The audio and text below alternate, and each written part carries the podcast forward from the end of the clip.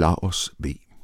Herre Jesus, du som er den levende Guds søn, og som er kommet for at række os livet, glæden, håbet. Lad det gå op for os, at det at vandre med dig, det er selve livets fest. Velsign dit ord. Amen.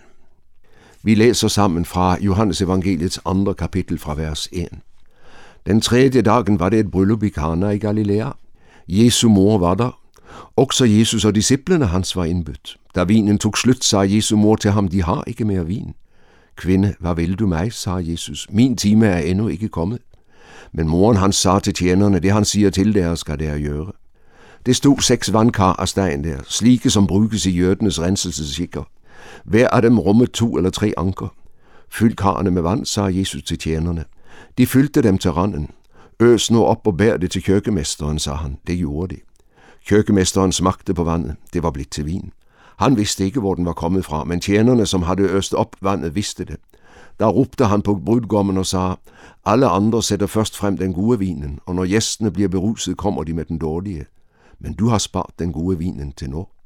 Dette var det første tegnet, Jesus gjorde. Det var i Kana i Galilea. Han åbenbarte sin herlighed, og disciplene hans trodde på ham. Ser du? I går talte jeg om den blindfødte, som Jesus gav synet. I dag skal vi på fest, bryllupsfest, i Kana i Galilea, slik vi netop læste det. Mange forbinder troen på Jesus med alt andet end fest. De opfatter kristendommen som noget tungt og mørkt. En masse dystre krav, som gør livet tungt, og som de for all del ikke vil have kontakt med. Og det er sandt. Ibland kunne man få indtryk af, at det er slik.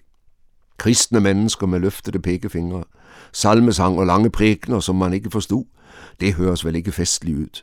I hvert fald ikke i forhold til det, de fleste forbinder med fest. Likevel er det fest, det drejer sig om, når Jesus kommer. Ikke alle, som bekender troen på Jesus, har fået det med sig. For nogen blev kristendommen først og fremmest regler og bud, men der har de ikke fået tag i det, som er evangeliet. Jesus kom ikke for at gøre mennesker til moralpoliti og mørkemand. Han kom for at frelse, for at tænde lys, for at skabe fest, glædens og frihedens fest. Bagtæppet var mørkt. Han kom til en verden, som var bundet i synd og til død. Han kom til en slægt, som forsøgte at glemme dette og dække over meningsløshed og tomhed, ved at beruse sig bort fra livets barske realiteter. Slik vi ser det også i dag.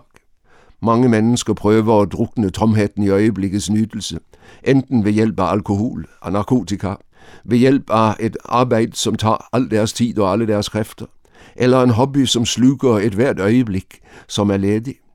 Gennem musik, som gør, at de aldrig er nødt til at være stille og tænke. Jesus indbyder til en fest, som du ikke trænger at beruse dig bort i. Han indbyder til en fest, som ser virkeligheden i øjnene, som frigør fra det synd og død til Guds evige herlighed. Nej, den narer dig ikke ved at drukne tomheden og fortvilelsen i et øjebliks nydelse, som giver rusproblemer og blåmandag, og så var man like langt. Han taler tydeligt om din og min situation som syndere, uden håb og uden Gud. Men han gør det for at hjælpe os til at se ikke bare elendigheden, men vejen ud. Undervejs i bryllupsfesten i Kana skedde det, at vinen slap op. Hele festen stod i fare for at kollapse. Maria, Jesu mor, siger det til ham, de har ikke mere vin. De er gået tomme på det, som kan holde festen i gang. Det stemmer som en beskrivelse også på det moderne menneskes situation. Det er blevet sagt slik, vi har alt, men det er også alt, vi har. Tingene fanger os, men hvad har de at give os, når det virkelig gælder? Hvor findes det, som kan give varig trøst og livsindhold? Jesus handler, og Johannes betegner det, han gør som Jesu første tegn. Dette ord dukker stadig op i Johannes evangeliet. Med det vil Johannes sige os, vi skal ikke blive stående ved undret Jesus gør, men se, hvordan det peker på ham selv. Også i dette tilfælde. Jesus gør vand til vin, og mange har altså harceleret med det, men undret peker på ham, som gjorde det. Han er ikke kommet for at løse trivielle småproblemer, som at brudgommen har forsømt sig, når det gælder at skaffe drikke til alle for hele festen. Nej, det Jesus gør, siger, hvem han er. Han er den himmelske brudgom, som er kommet for at samle sig en jordisk brud af alle de, som tror på ham. Han indbyr alle til en himmelfest, som betyder nyt og evigt liv i Guds nærhed, og som er grænseløs i sin herlighed og rigdom.